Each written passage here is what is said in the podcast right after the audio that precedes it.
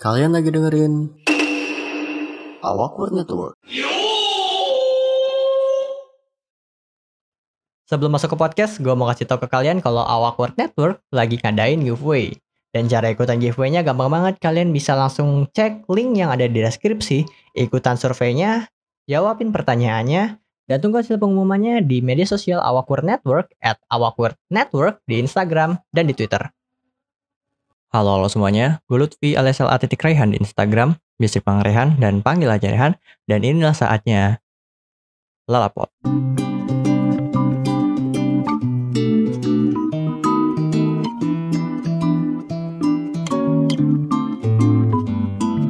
Kembali lagi di Lalapot dan di episode ini kayaknya bakal asik kalau kita ngebahas sesuatu yang berkaitan sama jurusan gue.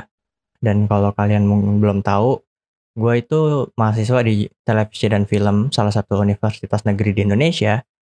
Tahu kan, kampus Bandung Coret itu. Nah, hubungannya sama televisi dan film, pertama gue masuk di film dulu deh. Kayak film di Indonesia tuh mulai makin laku di pasaran. Lo ngeliat kan kayak banyak banget film-film Indonesia yang akhirnya bisa nembus jutaan kayak Dilan, NKCTHI, Dua Garis Biru, Gundala, dan kalau gue sebutin semuanya tuh pasti banyak banget. Tapi gara-gara gue ngeliat film laku, jadi format yang dipakai itu ngulang-ngulang aja. Kayak apa ya, misalnya gini. Berkaitan sama film yang diangkat dari novel. Yang pertama itu ada Dernatan, kalau nggak salah. Jadi Dernatan waktu itu diangkat jadi film dari novel dan akhirnya laku. Dan akhirnya ada produser yang berani ngangkat film yang diambil dari novel juga, yang kisahnya tentang drama percintaan anak SMA, itu Dilan 1990. Dan waktu itu Dilan 1990 tuh laku banget. Coba lu track back lagi film-film yang masuk di bioskop dari tahun 2017 sampai 2019. Ada kayak Galih dan Ratna, Hujan di Bulan April, Arini, Posesif, Eknoid, Doremi and You, Meet Me After Sunset, banyak banget. Film drama-drama romansa di tahun 2017-2019 ini. Buh, gila. Itu filmnya nggak semuanya bagus lagi. Yang penting drama romansa. Kalau nggak drama romansa anak SMA, pasti drama percintaan anak kuliah gitu loh, nggak jauh-jauh. Itu juga berkaitan karena film Dilan itu laku sampai 6,2 juta penonton itu kan gila. Dan mungkin di tahun itu juga gue yakin banyak dari kalian yang nggak tahu ada film yang judulnya Lima Cowok Jagoan. Karena mereka salah pasar. Film komedi kayak Lima Cowok Jagoan ini itu ramenya di tahun 2013 sampai tahun 2015.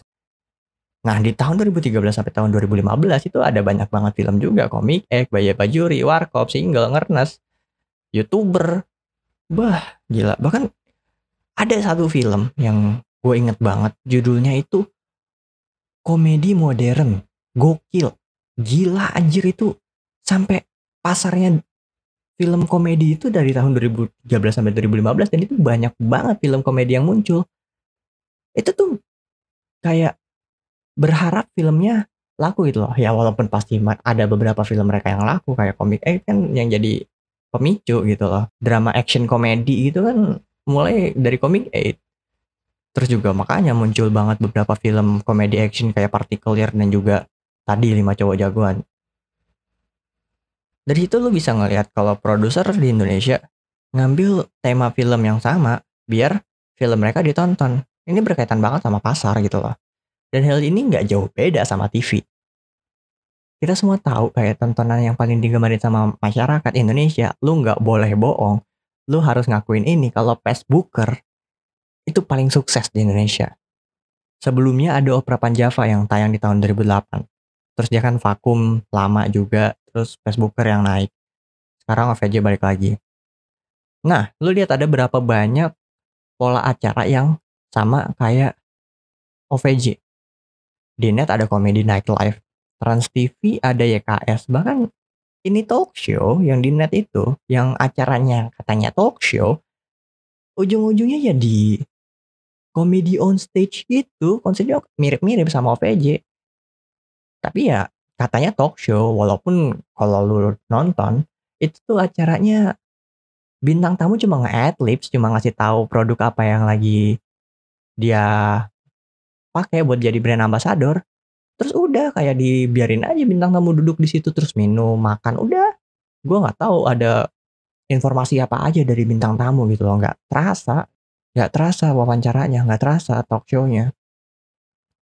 Dan kenapa ini semua terjadi? Sebenarnya ya balik lagi karena mereka semua laku, itu aja. Misalnya kayak ya tadi film-film laku. Kalau misalnya film mereka laku, kan tiket penjualan mereka nggak semuanya diambil sama bioskop. Tapi pasti masuk lagi ke kantong produser. Karena film itu dibeli sama bioskop untuk ditayangkan. Karena kalau mereka nggak beli, nggak beli hak siar, itu berarti mereka melanggar hak cipta. Dan itu kan bisa dituntut. Nah, terus TV. Jadi di TV itu ada yang namanya rating share buat nunjukin seberapa banyak pesawat televisi yang menyiarkan channel tersebut. Dan itu pasti kelihatan tuh, ada berapa banyak penonton yang lagi nonton dari jam misalnya kayak jam 7 sampai jam 8 prime time-nya TV.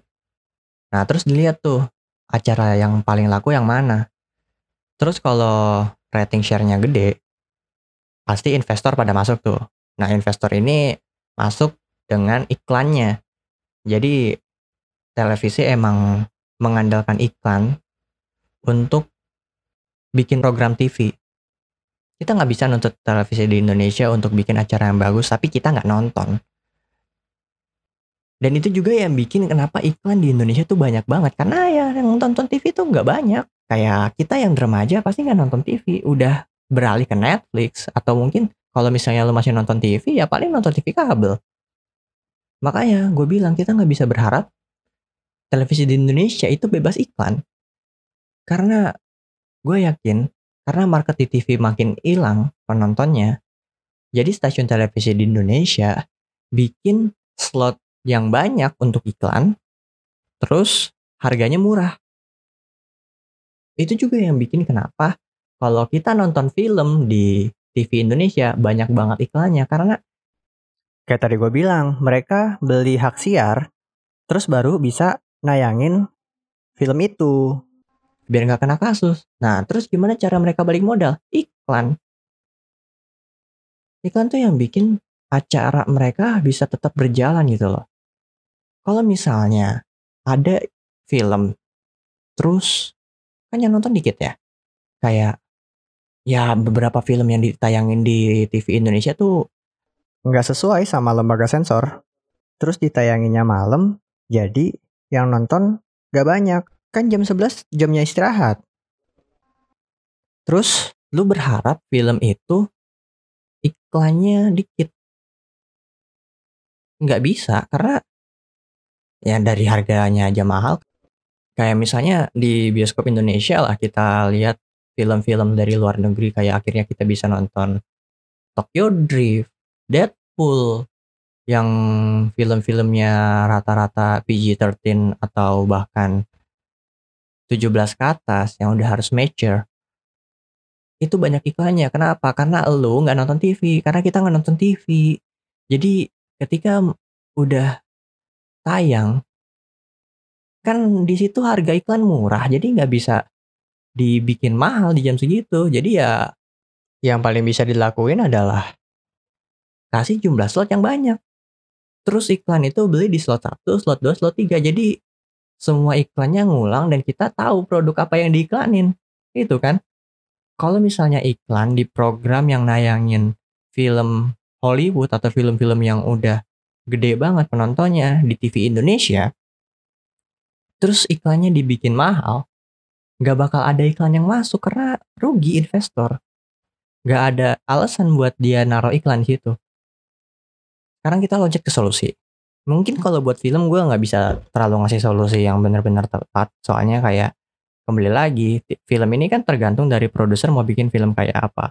Dan di tahun 2020 juga akhirnya semakin banyak film yang bervariatif kayak kalau lu lihat di akhir 2019 kan juga ada film superhero di Indonesia yang pertama Gundala. Terus film-filmnya mulai ke keresahan remaja atau keresahan para filmmaker kayak dua garis biru itu topiknya bukan percintaan doang kan. Ada satu isu tabu yang jarang banget diangkat di Indonesia. Terus NKCTHI juga lebih menggali lebih dalam gitu loh dari satu kasus yang berkaitan sama keluarga dan akhirnya diangkat ke layar lebar. Tapi kalau TV, yang bisa bikin acara bagus bertahan, itu ya dari jumlah penonton. Kayak misalnya ada acara bagus dulu tuh Jejak Petualang. Indonesia bagus, Tentara Indonesia itu bagus dan siapa bilang program televisi nggak ada yang mendidik? Ada yang mendidik cuma nggak ditonton aja. Yang salah siapa? Penonton. Kenapa? Karena kita nggak nonton. Terus yang rugi siapa? Stasiun televisi. Mereka nggak balik modal dari acara tersebut. Yang bikin footage dari luar kota, sampai mereka nembus hutan itu kan mahal. Gajinya juga harus gede dong. Tapi nggak ada yang nonton rugi kan? Iklan nggak ada yang masuk ke situ. Terus juga kalau lu ngelihat dari acara akhirnya terus lu ngelihat juga akhirnya program-program yang kayak gitu itu di hilangin itu diudahin dan ganti sama acara-acara yang cuma nyolong doang dari YouTube sama TikTok kita nggak bisa nuntut mereka untuk membuat acara yang mendidik selama kita juga nggak mau nonton acara tersebut gitu. Di sini lu minta biar televisi di Indonesia untuk membuat acara yang mendidik. Tapi dalam kasus lain, acara itu nggak ada yang mau nonton. Akhirnya share mereka jelek, nggak ada yang mau nonton. Karena stasiun TV di Indonesia kan nggak cuma satu gitu loh. Jadi lu nggak bisa dipaksa buat nonton acara itu. Lu bisa tinggal ganti channel. Nah, itu yang bikin acara-acara yang bagus, yang mendidik, kehilangan jam tayangnya, diganti sama penayangan-penayangan acara yang nggak mendidik, kayak Rumah Uya atau sinetron yang nggak bakal tamat sampai ratingnya turun. Dan itu alasannya kenapa sinetron akhirnya makin menjamur, acara-acara reality show yang nggak jelas itu makin menjamur, sedangkan acara-acara yang mendidik makin hilang jam tayangnya, bahkan diberhentiin sama stasiun televisi.